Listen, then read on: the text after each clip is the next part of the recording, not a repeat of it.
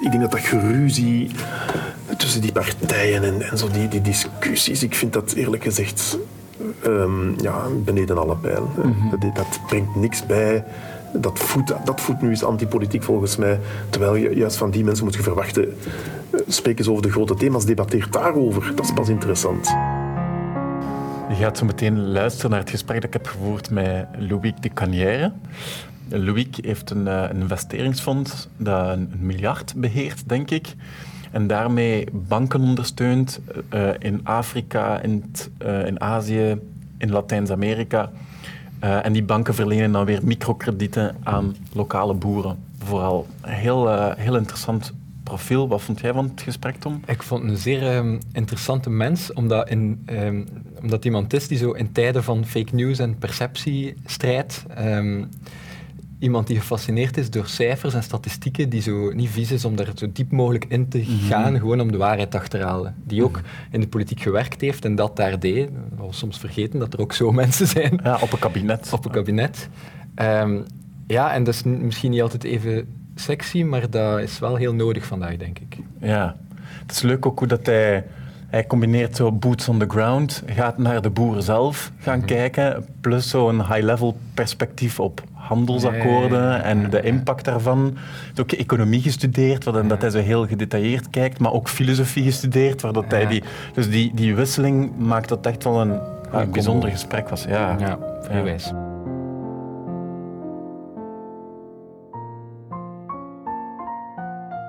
Ik herinner mij nog die eerste lessen van economie en ik had toen uh, filosofie gestudeerd, dus toch wel geschoold om eigenlijk een, een begripapparaat goed te definiëren en, en goed te begrijpen hoe mm je mhm. met woorden omgaat en zo. En, en, en die professoren, uh, ik herinner mij, ja, zelfs de Vic van Rompuy, dat is de vader van Herman van Rompuy, die gaf algemene economie mhm. en die sprak over waarden en zo. Maar dus waarde werd daar in een totaal andere betekenis gebruikt dan in de filosofie. Mm Het gaat over geld gewoon, hè. Ja, ja, ja. ja, ja. ja. En dus, uh, maar in de filosofie heeft waarde toch wel een andere betekenis. En dat wordt niet gezegd. Dus die twee woorden, die woorden worden door elkaar gebruikt in, in totaal verschillende contexten en zo. Terwijl ik juist vind dat het handelen van de economie is natuurlijk, gaat over de filosofische, de ethische, de morele waarden. Dat moet je wel kunnen kaderen mhm. waarom dat je bepaalde dingen doet. En, uh, ja, er wordt eigenlijk een hele grote sprong gemaakt dan van, van, van waarde als heel breed, zodat je het in de filosofie definieert als een, een van de grote vragen, zeg maar, naar, naar vol, eh. economie. En dan is er zoiets gekozen voor... Ja, waardecreatie. En ja, een heel... voor geld. Ja. Het is gewoon een metafoor ook. Ja, ja, ja. Voor van alles. Ja, ja, ja, dat vind ik, wel, uh, ja, vind ik wel boeiend. En mijn dochter studeert nu terug economie, zuiver economie zoals ik. En ja, die zegt eigenlijk hetzelfde. En, en zo, die, dat hele taalgebruik, dat dat is heel, heel beperkt. Dan gaat het over het concept groei. Wat, wat, is dat eigenlijk? Is dat, hoe gaat je dat dan zien? Is dat dan een eeuwige groei? En gaan we, is het dan de bedoeling om iedereen nog meer uh, rijkdom te, te, laten accumuleren? Mm wat heeft dat te maken met uitputting van de, van de grondstoffen en zo? Uh, daar wordt heel weinig over nagedacht. Mhm. En wie daar wel over nagedacht wordt, bijna als vrij marginaal opzij gezet. Is dat zo? je hebt daar die... Um, Kate Raworth, ik weet niet ja, van Donut, Donut Economics. Ja. Hè? Dat is, maar, maar ja, dat wordt niet tot serieus genomen, vrees ik. Dat is nogthans heel, heel interessant. En dat er niet zo'n paar proffen waar je daar mee terecht kon, waar dat je wel zo... Wel, ik ben eigenlijk heel snel gaan, mij veel bezig gaan houden met, uh, met ontwikkelingseconomie. Dat vond ik heel interessant, de economie van ontwikkelingslanden. Ja, ja. Um, en ook met... Uh, ja, ik heb toen eigenlijk mijn, mijn thesis gemaakt op een... Uh, um, bij, voor een stuk met, met Frank van den Broeke, die, die, toen bezig was met arbeidsherverdeling en zo. Ja, ik denk dat dat nu niet zo, achteraf gezien, niet zo'n geweldig model was, die arbeidsherverdeling. Maar ik vond dat wel interessant. Wat was dat model? Wel, om mensen korter te doen werken, zodat meer mensen aan de slag waren. Ik heb gestudeerd, ja, in de jaren tachtig was heel veel werkloosheid in Vlaanderen. Dat was eigenlijk toch een moeilijke tijd. Mm -hmm. En toen was, werd er veel gesproken over arbeidsduurverkorting. Um, en waardoor dat men dacht, ja, beschikbaar arbeid gaan herverdelen over meer mensen. Ja. Dat was nu ook toch naar, de, naar kortere werkweken? Of Ja, dat, ja. dat is nu iets dat terug opkomt. Dat komt hè? terug een beetje op, ja. Ja, en waar- waarom is dat geen... Waarom je- denkt u nu van, dat was toch niet zo... Goh, nu leid ik zelf een organisatie met 60 mensen en weet ik wat het betekent om dat te organiseren. Dus ik eh, zou er ook niet echt voorstander van zijn. Ja, gewoon het onpraktisch zou ja, zijn een voor beetje u. onpraktisch, ja. ja. En, eh, dus eh, ja, ja, goed. Dat is van de heel grote vraag naar... Dat zou gewoon heel lastig zijn voor mij. inderdaad. Ja, ja, cool. En was dat om die thesis? Dat is met hem dat je geschreven Ehm, dat was op basis van een, een studie die hij had gemaakt over arbeidsduurverkorting. En dan ben ik eigenlijk ehm, ja, in de, de gezinsbudget-enquête van het Nationaal Instituut van Statistiek gedoken Ja. in Brussel. Dat, is een, dat was een enquête gevoerd bij 5000 Belgische gezinnen over hun bestedingspatroon, hun inkomen en zo. En dus ik heb daar simulaties te doen van wat, doet, wat gebeurt er eigenlijk met, het, eh, met de Belgische economie als je dat doet. Hè. Als je eigenlijk herverdeelt van, van de, de beter verdienende naar de minder verdienende, in de, indien de werklozen meer aan de slag geraken, wat gebeurt er dan eigenlijk met de consumptie, met de groei, dat soort van En? Dat, heb, ik- dat heb ik gedaan. En dat was eigenlijk een... Het was positief. Het zou een positief effect hebben gehad op de economie. Van te herverdelen.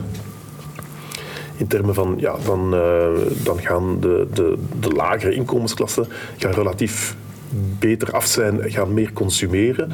eh, terwijl die hogere inkomensklassen sowieso meer sparen. Dus eigenlijk werd er Ja.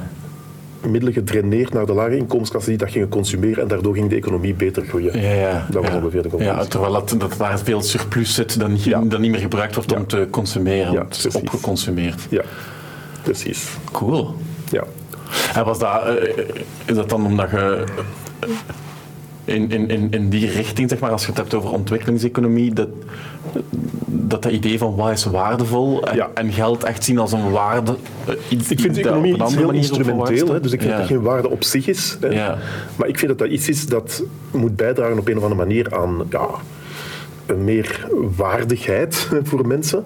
Ehm, en zo heb ik het eigenlijk altijd gezien en zo zie ik het zeker nu ook. Hè. Eh, ik vind als we bezig zijn met, met investeren in ontwikkelingslanden, dan is dat eh, op de eerste plaats om mensen de gelegenheid te geven om ja, een waardiger leven uit te bouwen, eh, meer overschotten te hebben om hun kinderen eh, naar school te, te laten gaan enzovoort. Ja, een middel. Een middel, ja. Ja. ja. Dat vind ik, ja. Ja. En dat is, als je het over ontwikkelingseconomie had, was dat iets meer hoe dat, hoe dat de proffen die daarmee bezig zijn dan daar ook naar kijken. Ja, ja nee, maar dat, was- dat waren heel goede proffen eh, in ontwikkelingseconomie in Leuven, vond ik. Ehm, ik heb toen veel, ben toen veel bezig geweest met onder andere het, eh, de- de handelsakkoorden, misschien terug eh, actueel, de handelsakkoorden, het afsluiten van, van Europese markten voor bepaalde producten uit ontwikkelingslanden en zo, en de impact daarvan op, op ontwikkelingslanden.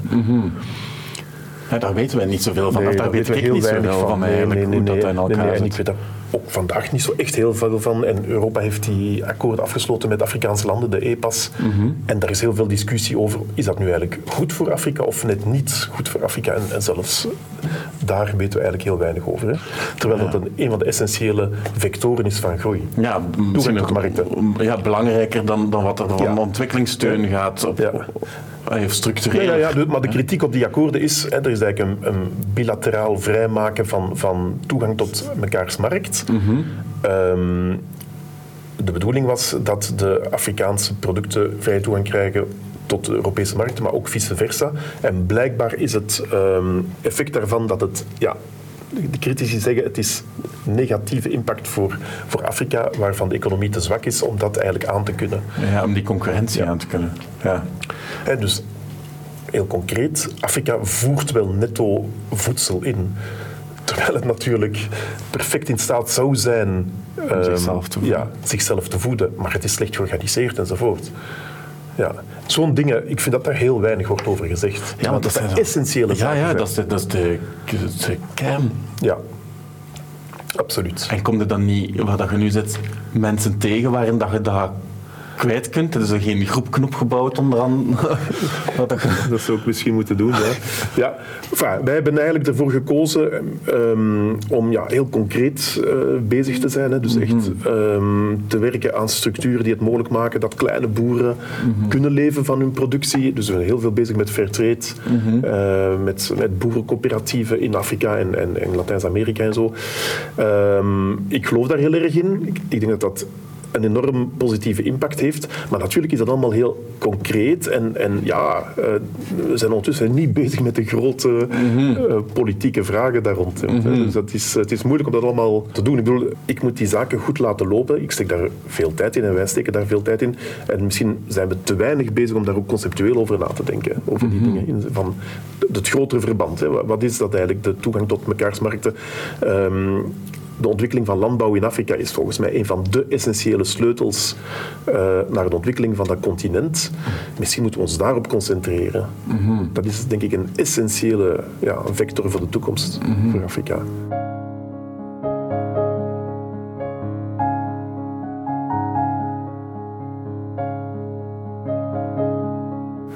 We zijn dan intussen tijd bij Demi terechtgekomen. Dat is een baggeraar, ja, toch? Hè? Dat is een baggeraar, ja. ja. Oké. Okay. Ja, ja. Maar, ja, ik heb uh, verschillende dimensies in mij, denk ik. En één daarvan is baggeren. Ja, ja. ja ik, uh, dus ik, heb ik ben kabinetchef geweest bij, bij Luc van den Branden, mm -hmm. uh, economisch okay. beleid. Hè. En ja, dat was een manier om heel concreet bezig te zijn, maar dat was ook vanuit de ja, economie als iets dat bijdraagt tot, tot mm -hmm. de samenleving. Dat is wat mij interesseert. Natuurlijk, ja, ik ben dan bij DEME gaan werken. Uh, ik ben zot van water, van schepen. ja, ja, dus... Uh, Zo, ik hou reden.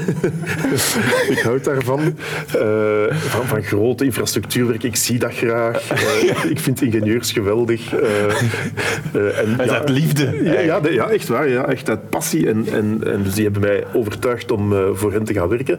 En ik heb mij toen bezig gehouden... Um, dat was ook een beetje de beginjaren daar, om uh, als niet-ingenieur uh, na te denken over als we grote infrastructuurprojecten doen in het buitenland, hoe gaan we dan aan de klant, vaak een havenbedrijf of zo, uh, een oplossing aanbieden om dat ook gefinancierd te krijgen. Mm -hmm. um, en dus dat was het begin van de privaat-publieke partnerships, ja. dat soort van dingen. Uh, en daar hield ik mij bezig. En bijvoorbeeld hebben wij daar in, in uh, India een haven um, ontwikkeld die, die volledig privaat was en die volledig werkte op basis van de toekomstige inkomsten van die haven werden gebruikt om eigenlijk de havenwerken te financieren enzovoort. Mm -hmm. Dus dat soort van dingen heb ik heel veel gedaan bij DME. Cool. Um, ja, ik vond dat heel prettig. Dat was echt formidabel. En dat was werkelijk ja, grote dingen. Hè. De, uh, in Nigeria, in, uh, in Ghana, in, uh, in Tunesië. Wat staat er zo? Waar zijn het meest ja. trots op dat er ja. zo staat, omdat het rondgekregen heeft? Ehm, wel, een van de van de, van de heel mooie projecten um, was, was een sanering in, uh, in Tunesië trouwens. Ook geen evidente context in die tijd mm -hmm. met, met die president. Um, een sanering van een, van een oude lagune die werd gebruikt als ja, afvalplaats. Uh, uh, en die is helemaal opgekuist geweest en helemaal mooi gemaakt. En dat is nu een soort van, van mooi gebied uh, ten zuiden van de stad Tunis. Dus dat hebben wij echt gedaan. En ik vond dat formidabel. Die financiering in elkaar gestoken enzovoort. Ja, want als je daar dan toe komt, dan is er geen ja. geld voor in principe. Nee, nee. Ja. nee. Dus ze hebben dat kunnen spreiden op zoveel jaren en met, uh, met leningen ook van de Nederlandse overheid, van de Belgische overheid. En we hebben het allemaal in elkaar gestoken met bankaire financiering enzovoort. Dat is ook wel eens gewoon een combinatie van zo het, het concreet resultaat ja, ja, ja. en, en toch eigenlijk op een, op een niveau werken dat, dat structureel impact. En dan een... Um, een ander project vond ik ook wel heel interessant in Bangladesh. Uh, het, dat was het verdiepen van een van de armen van de Ganges en die heet de Gorai. En dat was nodig omdat daar te weinig water doorstroomde en dat was in een mangrovengebied. Mm -hmm. En daardoor ging die mangrove kapot. En dus er moest terug wa vers water door kunnen stromen mm -hmm. om dat eigenlijk terug te, te tot, tot bloei te laten komen. En dat is ook gelukt. En dus dat ook met financieringen en zo in elkaar gestoken. En uh, dat vind ik fantastisch. Ja. Ja, ja, want dan zijn echt aan het hacken eigenlijk. Ja, ja dat beetje, is echt formidabel. Dat is echt formidabel. Hoe ja. begint het daaraan? Uh, ja, toch? Ik hou van ontwikkelen, van dingen van niks opstarten en nadenken van hoe gaan we dat hier doen en wat zijn de elementen en uh, hoe wordt dat op een ander gedaan, gaan kijken, uh, hoe kunnen wij dat hier doen, daar hou ik van. Ja, mm -hmm. Dat vind ik heel prettig. Ja. Maar, dus je ziet die mangroven, je hoort over dat project, ja. je ja. hoort eerst hoeveel ja, dat kost waarschijnlijk. Je gaat zoeken bij de Wereldbank, heb je daar interesse voor, kunnen we dat samen doen? Is er... Maar hoe gaat de zoeken bij de Wereldbank? Wie belde? Ik bel totdat ik iemand vind. Oké. Okay. Ja, ja, ja. Nee. Dus zie dat je er een vast contact hebt. Nee, nee, nee, dus dat heb ik ontwikkeld echt ook. Hè. Zo die contacten en, en dan ja, daar binnen geraken en zien van ja, oké, okay, met wie gaan we nu praten en we zullen zien. En, enzovoort. Dat doe ik heel graag. Ja. Misschien moeten we een keer praten eerst over hoe dat je kabinetchef zijn geworden. Want ik heb het gevoel dat we, terug moeten om Ja, ja, vandaag meer te begrijpen. eh, moet ik even over zelf over nadenken. Dus ik heb eigenlijk eh, een tijd gewerkt bij, ehm, bij CEPES. En die was de studiedienst van de, van de toenmalige CVP. En Herman van Rompuy was toen de, de directeur. Eh, en ik heb daar veel studies gemaakt en zo rond economische toestand en, en dat soort van dingen. Ja, enfin, ik denk dat dat, dat, dat, dat werd opgemerkt. Ehm, ik schrijf gemakkelijk. eh, eh, ik kan systematisch zijn en ik kan iets uitleggen voor eh, een politicus. ehm, Zodat hij het zodat hij kan, het kan brengen. kan brengen. Ehm, en ik denk dat dat de reden is, ja. Wat is nou een van de studies waar je het meest trots op bent? Ik denk dat, we heel veel, dat ik in deze tijd heel veel bezig was met werkgelegenheid en werkloosheid. Ehm, en bijvoorbeeld nagaan van de, de maatregelen die de, de regering nam, zijn die efficiënt of niet in termen van effect. Hè? Dus, want er waren allerlei maatregelen en er werden zo tien maatregelen genomen om de werkgelegenheid te promoveren. En dan, maar er werd heel zelden achteraf gekeken van wat heeft dat eigenlijk opgebracht. En ik deed dat wel. Hè? Dus dat werd dan in, een, in een studie samengebracht en gezegd van die en die maatregelen hebben eigenlijk niet veel zin gehad, die en die wel. Dus laten we ons daarop verder gaan. Dat soort van dingen deed ik graag. Ja, maar dat is zoeken in cijfers en gaan graven in, in statistieken om te verstaan van wat is er eigenlijk gebeurd. Er werden allerlei maatregelen gelanceerd in die tijd. Hè. En dat was zo om, om politieke kracht te tonen. Maar eh, ik vind het wel belangrijk om te, achteraf te zien van wat is er effectief eh, nuttig geweest en efficiënt en wat is het niet geweest. Wat, wat, wat- wat is zo een samenvatting die je daarvan gemaakt hebt, dat, die je hebt meegenomen van dat, dat soort beleid? Of, of is het eerder van er is geen soort beleid? Jawel, maar ja, wat ik ga zeggen, is, dat misschien klinkt een beetje ehm, rechtsliberaal, maar natuurlijk alles wat te maken heeft met een vermindering van lasten op arbeid heeft een, heeft een zeer groot effect. Ja. Omdat dan, dat stimuleert de aanwervingen en dat heeft, eh, dat heeft een enorm effect. ja. Ja. Ik vind het zelf gelijk een beetje vervelend dat je het Toch? Ja, maar het is. Ik zat al bij Luc van der Maan. Ja. Nee, nee, maar Lu- maar Luc van der Brande zou daar ook mee akkoord gaan, denk ik. eh. maar goed, in, in de Vlaamse regering was het dan... eh, dat was dan eh, die maatregel was eerder federaal. In de Vlaamse regering was het dan meer ja, bijna industrieel beleid. De, de mini- hij was ook minister van Economie. En ik was zijn kabinetchef van Economie. Dus ik was niet zijn politieke kabinetchef. Dus ik hield mij bezig met die dingen zoals ja, op dat moment het faillissement van Boelwerf. Nog op het laatste moment geprobeerd een overnemer te vinden. Eh, we zijn dan nog naar, naar Noorwegen gegaan, naar een, een grote scheepswerf en zo. En, maar dat is dan niet gelukt. En, ja. Ehm, maar er zijn andere dingen wel gelukt. Hè. Dus DAF is failliet gegaan, maar is terug opgestart. Ehm, ja, en dan eerder dan zo de nieuwe initiatieven, zoals Telenet. Dat was eigenlijk echt wel vernieuwend. Ehm, het ontstaan is uit een heel eenvoudig idee. In die periode waren er, denk ik, meer dan twintig onafhankelijke kabelmaatschappijen in Vlaanderen. En de idee was gewoon dan, wat gebeurt er eigenlijk als je die kabelmaatschappijen zou verbinden? En daaruit is Telenet ontstaan. Een heel, heel simpel idee eigenlijk. hè. Dat hebben we verder gedaan en verder gezet en dan met de GIMF en gesproken en met specialisten. En, eh, Maar je zit dan echt zo diep in de, ja, ja, dat is echt wel diep gaan. Dat is diep in de ja. materie gaan. Hè. Ja, dat is echt wel diep in de materie gaan. Dat is toch omdat je het gevoel hebt dat daar iets te rapen valt. Dan... Ja, en omdat dat natuurlijk, ik vind dat, hè, dat is, ik doe dat graag, dat is weer ontwikkelen, dat is creatief, dat is eh, ja, zo op basis van een simpel idee werken en daarop verder gaan en dat dan helemaal concretiseren vind ik heel, heel prettig.